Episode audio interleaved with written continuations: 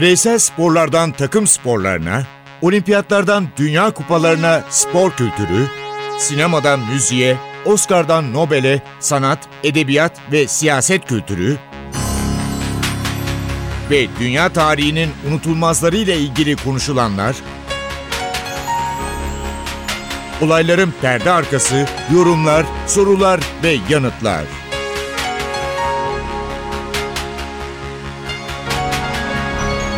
Ercan Taner ve Mert Aydın'la Ateş Arabaları başlıyor.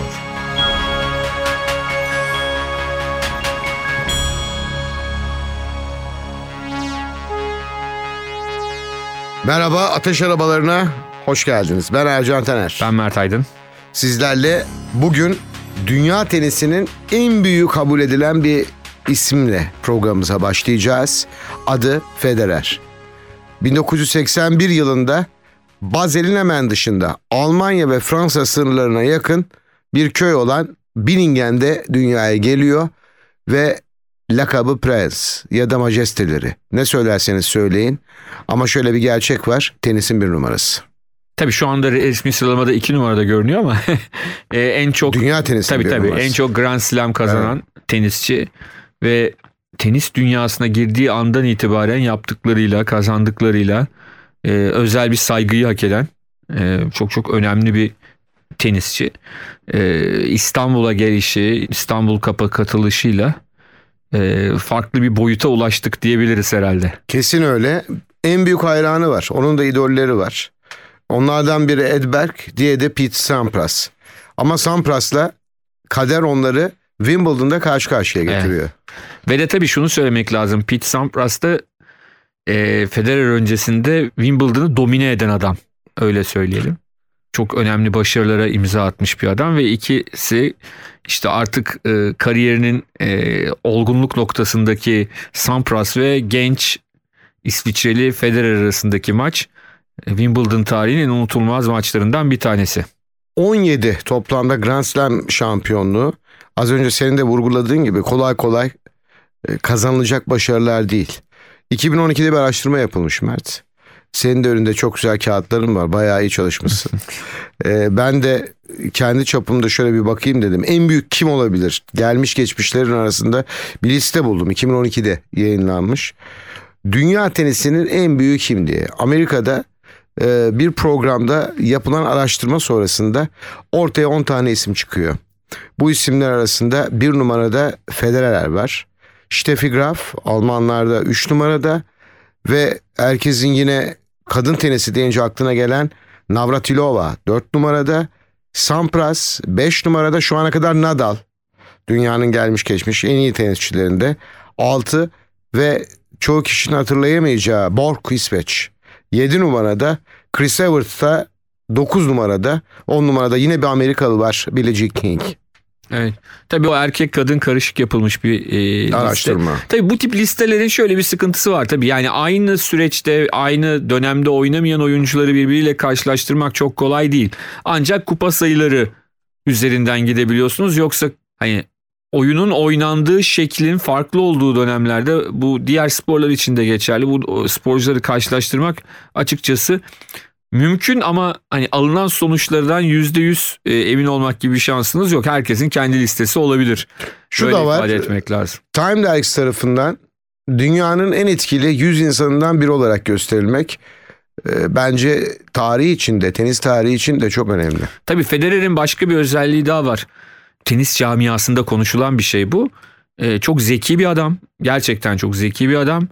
Ee, ve onun e, tenisi bıraktıktan sonra ATP'nin başına geçebileceği konuşuluyor. Yani Hı hı. dünya erkek tenisini onun yönetme ihtimalinin yüksek olduğundan bahsediliyor. Ee, çok özel bir kişi olduğundan bahsediliyor. Bakalım bu gerçekleşecek mi? Bu gerçekleşirse hani e, oyunun içinden gelen ve oyunun içinde en zirveye ulaşmış birinin yönettiği tenis ne hale gelir, nasıl olur? Onu da hep beraber görmüş olacağız ama şu dönemde e, işte ben çocukken e, Björn Borg vardı, e, John McEnroe vardı, Lendl vardı, Connors vardı.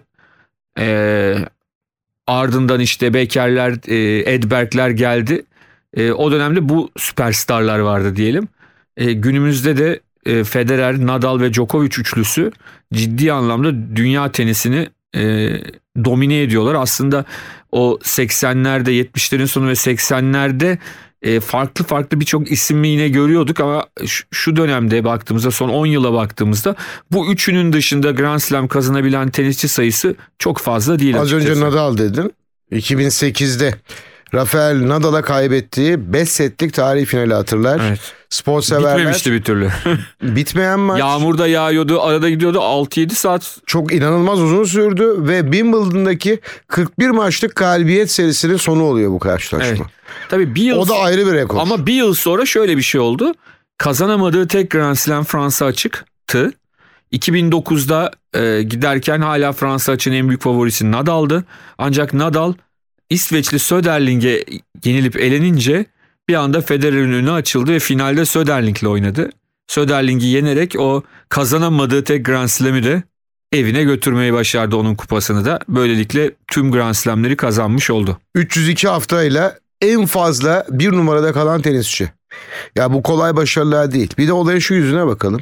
Dün röportajını izleme şansına sahip oldum. Mehmet Sevinç röportaj yaptı. Türkiye'ye böyle daha çok sporcunun gelmesi gerekiyor. Bireysel anlamda bir sporcu geliyor 6 ay sonra onu unutuyoruz Mert. Bir de o açıdan bakmamız lazım. Daha çok sporcu ve daha çok turnuva. İnanın bana e, milyonlarca dolar verip e, Türk turizminde bu tanıtımı, bu katkıyı yapamazsınız diye düşünenlerdenim ben. E, yok tabii ki olmaz yani bu başka bir şey. E, spor ve sanatın e, yaptığı reklam her zaman diğerlerinden çok daha fazladır. Yani bu zaten bilinen bir gerçek. E, Federer gibi bir sporcuyu Türkiye'ye getirmiş olmak, onun e, burada tırnak içinde sanatını icra etmesi bence çok çok önemli. Tanıtım açısından da önemli. Her ne kadar hani zaten şey diyebiliriz zaten hani İstanbul'u tanıtmak için özel bir şey de gerek yok diyebiliriz ama tarihiyle e, ama Federer'in cümlesi ama şu. Federer önemli çünkü ilk kez geliyorum evet, Türkiye'ye diyor. Ben şaşırdım. Çok Daha önemli. Tabii şöyle bir şey var tenisçiler özellikle yıl içinde o kadar çok turnuvalara gidip geliyorlar ki onların hani böyle çok tatil yapıp bir yerlere tatil için gitme şansları çok fazla Doğru. değil. E işte İstanbul'da da daha önce Türkiye'de de bir turnuva olmuş olsa onu getirebilirdik, gelebilirdi. Daha önce de görmüş olabilirdi. Çünkü eminim ki gittiği şehirlerin büyük bir bölümünü zaten turnuva için gittiğinden dolayı görüyor. E, bu çok şaşırtıcı değil bu anlamda. Ama bu turnuvanın ilk yılında bu böyle isimleri buraya getirebilmiş olması Federer zaten Federer deyince diğer alttaki isimleri unutuyoruz ama sonuçta e, Dimitrov olsun işte Yujnes'i, Bellucci'si, Nieminen'i bir sürü isim var e, adını duyduğumuz daha önce turnuvalarda izlediğimiz hepsinin buralarda olması e, gerçek bir tenis şöleni haline getiriyor bu turnuvayı. Bugünkü programda müzik dalında konuğumuz Pink Floyd. Pink Floyd'un en büyük özelliği e tabi rockçılar, e, Queen gibi İngilizler ama şarkı sözlerinin çok ayrı bir yeri var ve yenilikçi albüm kapakları. Bunu böyle değerlendirebiliriz. En önemli bilgiler tabi her zaman olduğu gibi yine Mert'in çalıştığı kağıtların arasında. tabii Pink Floyd'un yaptığı müziğin adları var işte progressive rock, psychedelic rock, rock gibi e, tanımlamalar var. 1965 yılında Londra'da kuruluyor ve ilk e, üyeleri Sid Barrett, Nick Mason, Roger Waters ve Richard Wright. Bu ekip tarafından kuruluyor. Daha sonra bu ekipten ayrılanlar, girenler e, her zaman var e, ve üst üste yaptıkları albümlerle dünyada e, önemli bir müzikte yer ediniyorlar. Dark Side of the Moon. Evet, en Tüm zamanların bir tanesi. En önemli albümlerinden evet. biri olarak kabul ediliyor. Aynen öyle. İstersen Ercan abi Dark Side of the Moon demişken o albümden de bir parça çalalım. Brain Damage.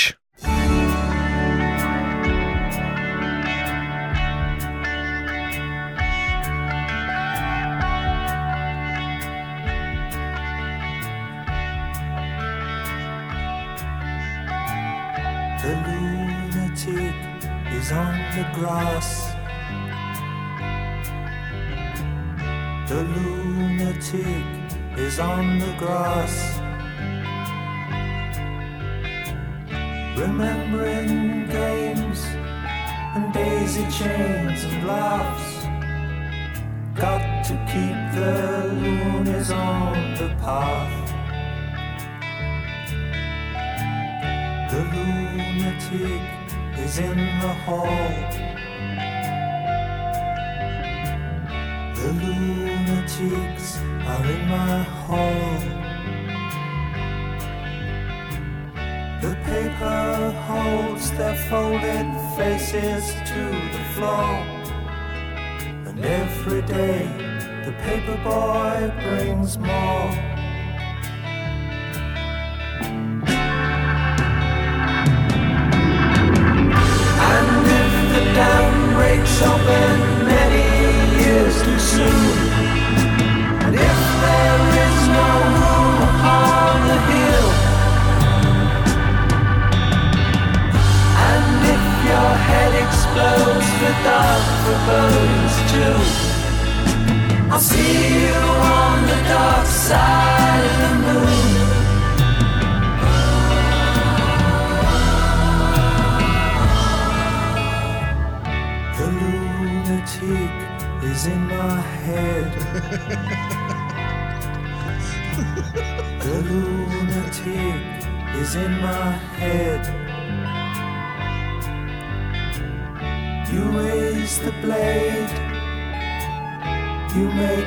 You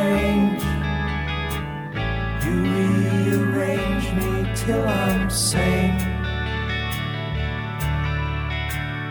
You lock the door, throw away the key.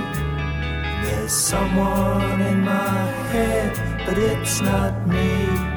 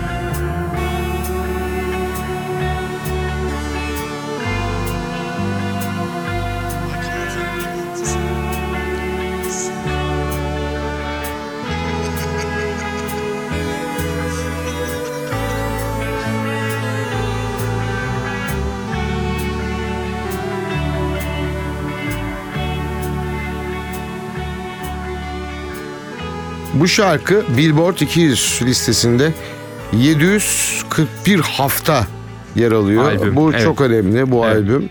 Onu da söyleyelim. Londra İngiltere deyince tabii Queen'i konuştuk ama Pink Floyd'a ayrı bir yer ayırmamız. Tabii şimdi e, hemen o söyledi ba- bana. başlangıcını da bir daha konuşalım.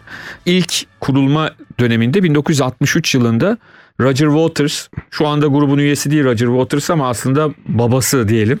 Roger Waters, e, davulcu Nick Mason'la tanışıyor.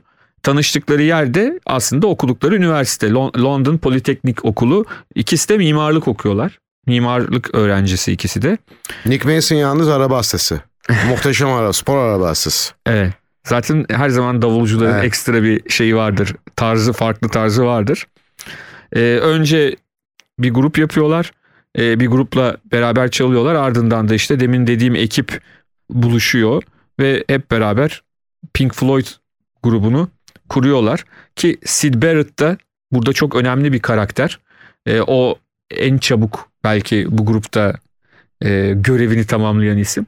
Ama Sid Barrett ve Roger Waters grubun beyinleri diyebiliriz ilk Şu var, etapta. e, savaşa, babaya duyulan hasret, eğitim sistemi, insanların aldatılması, 1977'den beri üzerinde çalışılan e, bir albüm var. Adı The Wall. Evet. The Wall tabii sadece albüm değil aynı zamanda bir proje aslında The Wall. Bir film var. Bir sinema filmi var. Hatta başrolünde daha sonra yani o filmi çektikten yıllar sonra e, Afrika'ya yardım için konser düzenleyerek geniş kitlelere adını duyuran aslında iyi bir müzisyen Bob Geldof Ee, The Wall filminde başrol oynamıştı. Ve e, o film hakikaten dünyada ciddi anlamda ses getirdi.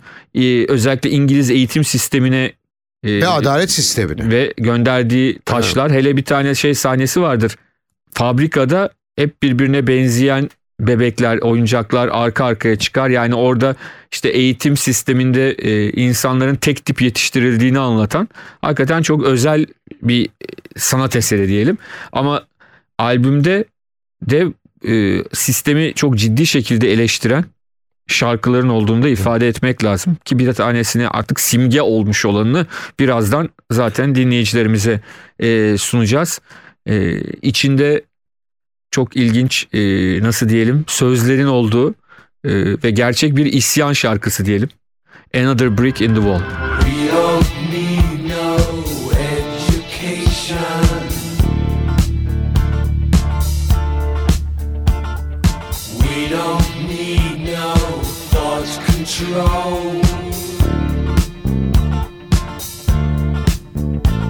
No dark sarcasm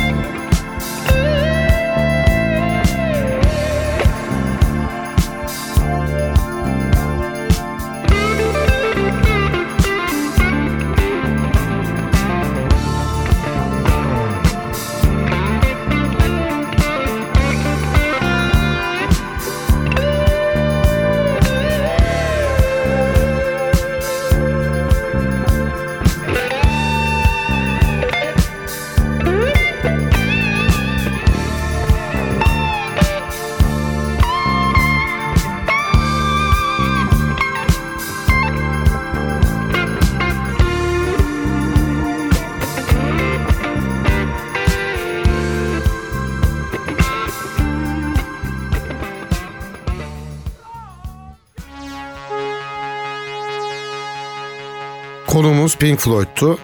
Pink Floyd'un girişini yaptık. Ortaya neler çıkarttığını sizlerle paylaştık. Ve bir spor var ki o kadar eski ama Türkiye'mizde maalesef sadece top üzerine oynanan oyunlar ön plana çıkarken bu sporda emek var, yokuş tırmanmak var, yokuştan aşağı inmek var, bazen arıza var. Tabii insanın da değil, yapan da değil ama tekerleklerde bisikletten bahsediyorum. Evet.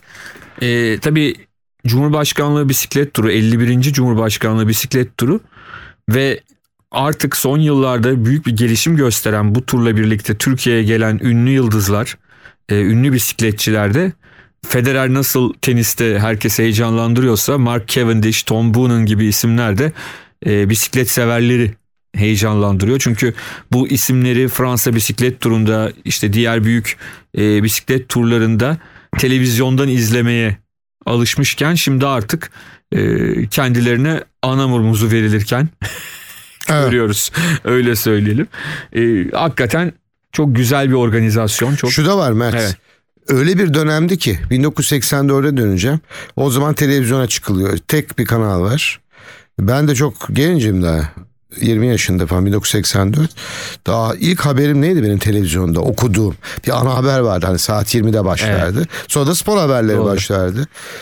Ben onun için unutmadım. İlk okuduğum haber Fransa bisiklet turunu Bernard Hinault kazandı. Ha, bisiklet bir olmuştu. Evet. Ha, bu kadar e, ama bütün dünyada çok önem veriliyordu. şöyle bir şey var. Özellikle işte Fran- e, üç büyük tur var. Fransa bisiklet turu, Tour de France, e, işte İspanya bisiklet turu, Vuelta ve e, İtalya bisiklet turu, Giro.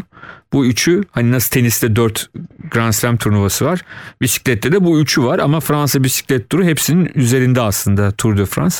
E, tüm dünyada büyük ilgi çekiyor. Aslında özellikle e, 90'ların sonu 2000'lerin ortalarına kadar Lance Armstrong'un peş peşe 7 Fransa bisiklet turu şampiyonluğu sırasında bisiklet hakikaten e, belki de popülaritesinin en zirve, seviyesi. zirve noktasına erişti. Yani tüm dünyada Nirvana yaptı dedi. Lance. Armstrong'un kim olduğunu herkes biliyordu. Kanser hastaları Evet. e, özellikle. Onlar örnek oldu ama sonra doping olayı Ama işte bu maalesef. maalesef. maalesef öyle şeyler yaşandı ki aslında bu 7 yıl yaşanmamış sayıldı. Yani e, o 7 yıl e, 1999-2005 arasındaki Fransa bisiklet turlarında kimse birinci sayılmıyor şu anda. Tam 100 yıllık bir geçmişten bahsediyoruz. Özellikle Avrupa'da. Velodrom eskiden Konya'da vardı. Velodrom saha içinde, statta vardı.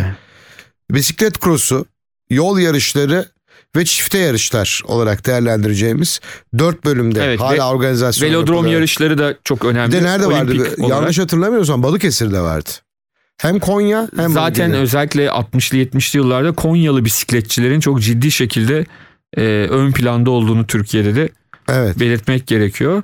Bisiklet çok keyifli bir spor. Ben pazar günleri görüyorum. Ee, bizim oralar biraz boş olduğu için o üniversiteler de var. O üniversitelerin tahmin ediyorum ki bisiklet kulüplerinin yaptığı şey sürüşleri görüyorum. Denk geliyorum. Artık şunu da görüyoruz. Olimpik dağ bisikleti yarışı. Hem 9 kilometreye yakın parkurlar var. Asfalt düzeyi çok az. Doğru. Bu da sizin gücünüzün ortaya Olimpiyatta çıkmasına yol açıyor. yarıştı. Yani bunlar çok önemli şeyler Ercan abi. Yani olimpiyatlarda artık bisiklette sporcularımız yarışıyor. Son Londra olimpiyatlarında hatırlarsan e, yol yarışında iki Türk sporcusu mücadele ettiler. Bunlar önemli. Aslında 1948 olimpiyatlarında da bizim bisikletçilerimiz var. Hatta iyi derecede iyi performans gösterdiklerini biliyoruz. Belki madalya yok ama yani aslında bizde bisiklet hiç yapılmayan, iyi sporcular çıkarmayan bir dal değil ama belli bir zamandan sonra spor kültürünün iyice aşağılara indiği bir dönemde maalesef bisiklet sporu da biraz ilgiden uzak kalmış ama son yıllarda önce kendilerine teşekkür etmek lazım. Euro sayelerinde, Eurosport sayesinde Türkiye'de insanların yeniden bir bisiklet kültürü oluştu. Ardından da e, Sayın Emin Müftüoğlu başkanlığındaki Evet. Bisiklet Federasyonu çok ciddi bir şekilde atılım gerçekleştirdi. Cumhurbaşkanlığı bisiklet turunu dünyanın e, en ünlü bisikletçilerini getirebilen, en ünlü takımlarını getirebilen bir tur haline getirdiler ve bu turunda e, dünya televizyonlarınca yayınlanmasını sağladılar. Bunlar çok önemli gelişmeler. Şimdi e, Osmanlı'da sözünü kestiğim için Estağfurullah. e, kusura bakma. O kadar eski ki sahasında bu spor. 1850'lere dayanıyor. Osmanlı tarihine baktığımızda şöyle deniyor. İstanbul, İzmir ve Selanik'te aynı tarihlerde bu spor biliniyor ve insanlar bisiklet kullanıyorlar 1850'lerde. Evet. Yani e, zaten bisiklet bir yandan da bir zevk işi. Yani ille de sporcu olmanıza gerek yok. İşte çevrenizde, parklarda, e, bulduğunuz uygun alanlarda yarışmak için değil, zevk için de bisiklet kullanabilirsiniz. Bu anlamda da e, nasıl diyelim çok kolay bir şekilde e, işin içine girebileceğiniz bir spor ama hakikaten ciddi anlamda dayanıklılık ve güç istiyor. Bu da maalesef e, özellikle profesyonel camiada dopingin Artmasına işin içine açıyor. girmesine neden oluyor. E, Doping Armstrong olayında herkesi yıktı. Yani şöyle yıktı. Ta 90'lardan itibaren zaten bisikletin içindeki doping olayını e, polis baskınlarıyla tutuklamalarla biliniyordu. Ama e, özellikle Armstrong'un iki kere dopingli çıkmasına rağmen bunun halı altına süpürüldüğü ortaya çı- çıkınca iyice işin suyu çıktı. Hani bundan önce kim kazandı ne kazandı yine 2006'da Floyd Landis kazandı ama kısa süre sonra dopingli olduğu ortaya çıktı. Onunki de iptal edildi. Bunlar çok e, acı şeyler. Marco Pantani'nin dopingli çıktıktan birkaç yıl sonra işte uyuşturucu kullandıktan sonra da intihar etmesi e, yalnız bir şekilde bir otelde. Bunların hepsi insanların kafasında olumsuz şeyler. Ben yine işin tarihine döneceğim. Dönün. E, Bizi çok ilgilendiriyor çünkü. İki Amerikalı Fransa'da Ablaski ve Horace isimli biliyor musun bu hikayeyi? Yok. Bir tanesi 23 bir tanesi 22 yaşlarında. 4 Haziran 1889 tarihinde diyorlar ki Paris'ten İstanbul'a bisikletle gideceğiz. Tarihe dikkat çekiyorum. 4 Haziran 1889. Ve bahsettiğim isimler Paris'ten sonra Frankfurt, Berlin, Dresden, Prag, Viyana, Budapeşte, Belgrad, Nice, Sofya, Filibe, Edirne ve Edirne Kapı yolu o zaman. 11 Ekim 1889 günü İstanbul'a geliyorlar. İstanbul'da kaldıkları otel de belli. Şimdi yok ama Bizans Oteli diye bir otel varmış İstanbul'da. Şehrin tarihi ve klasik olarak güzel yerlerini geziyorlar. Ve bu sefer Yunanistan, İtalya, İspanya yoluyla Paris'e geri dönüyorlar. Tarihi de söyleyelim 1889. Bisiklet bu kadar eski bir spor. E bisiklet diye konuştuk konuştuk konuştuk. Bir Queen yapalım mı? Aynen, Bicycle ben de diye. tam onu diyecektim Ercan abi. O zaman Queen'den Bicycle'ı dinleyelim. I want to ride my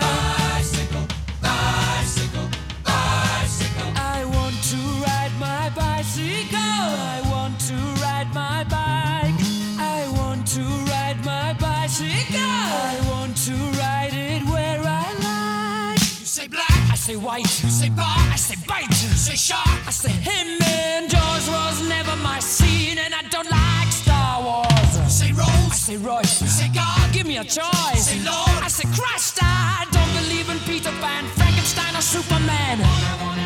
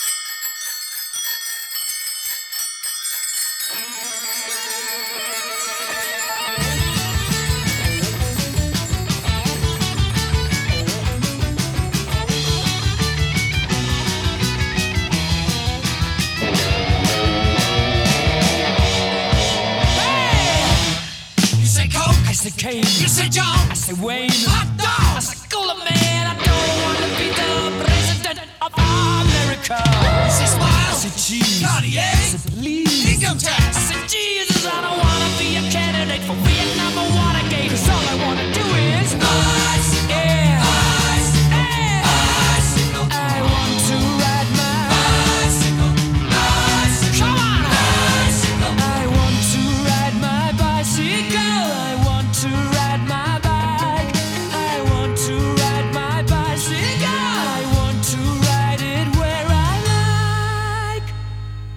Geçtiğimiz günlerde Anzaklar yine Çanakkale'deydi. Aradan yıllar geçiyor ve tabii torunlar yine bizim insanlarımız Çanakkale'yi unutmuyorlar, unutmayacaklar da ve bu filmlere de yansıyor. Russell Crowe'dan konuşmamız gerekecek Evet. şimdi. Türkiye'de aslında Aralık ayında oynadı Water Diviner. Ee, ne amaçlı olduğunu bilmiyorum. Son Umut ismiyle çevrilmiş ama e, hani film içinde Son Umut'un nereden olduğunu çözemedim. Hani bu ismi bulurken hangi amaçla Son Umut dediklerini açıkçası anlamadım.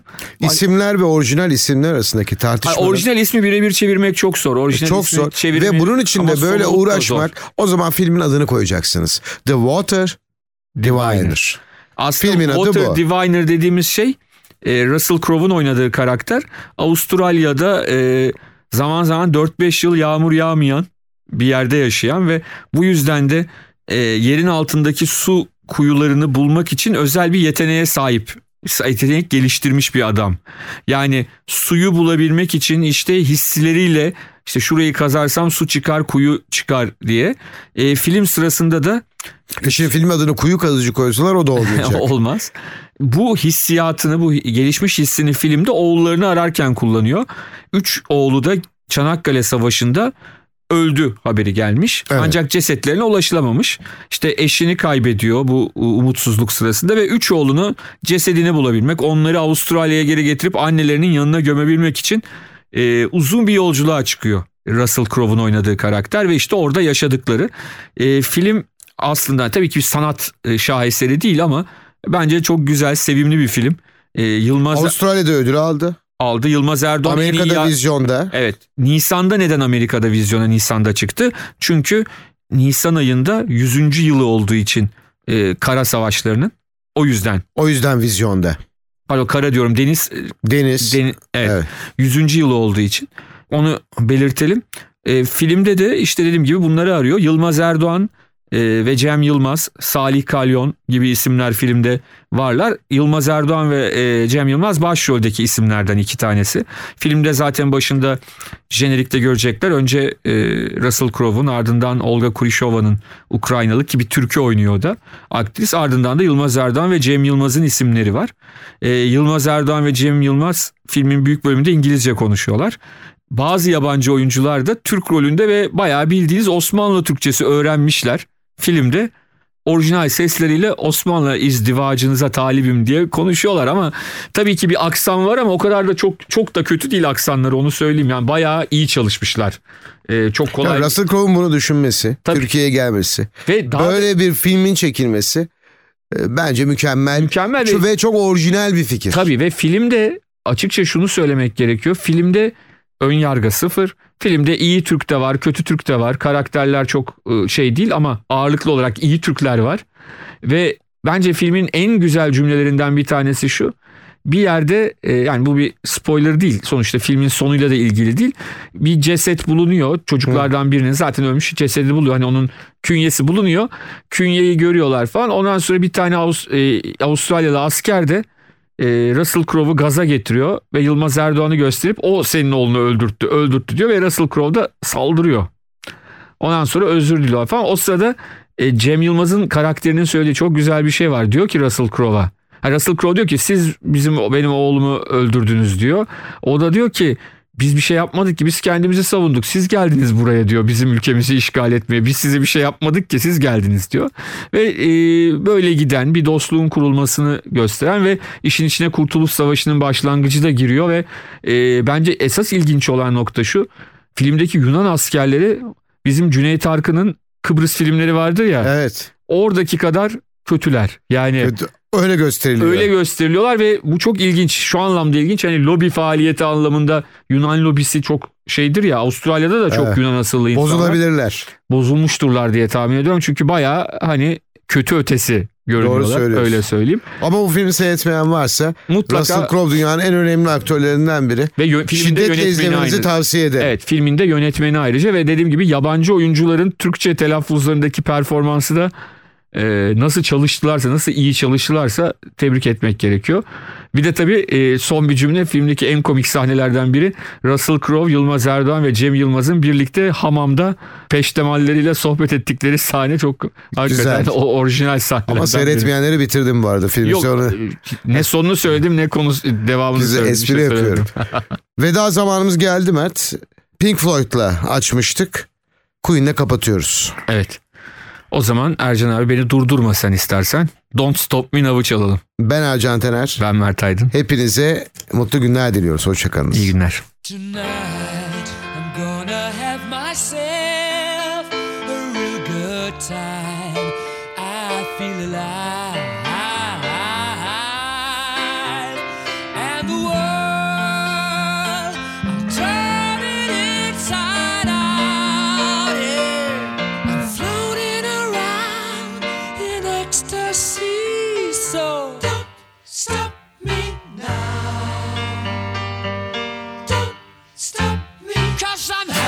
good time, having a good time. The shooting star leaping through the sky like a tiger.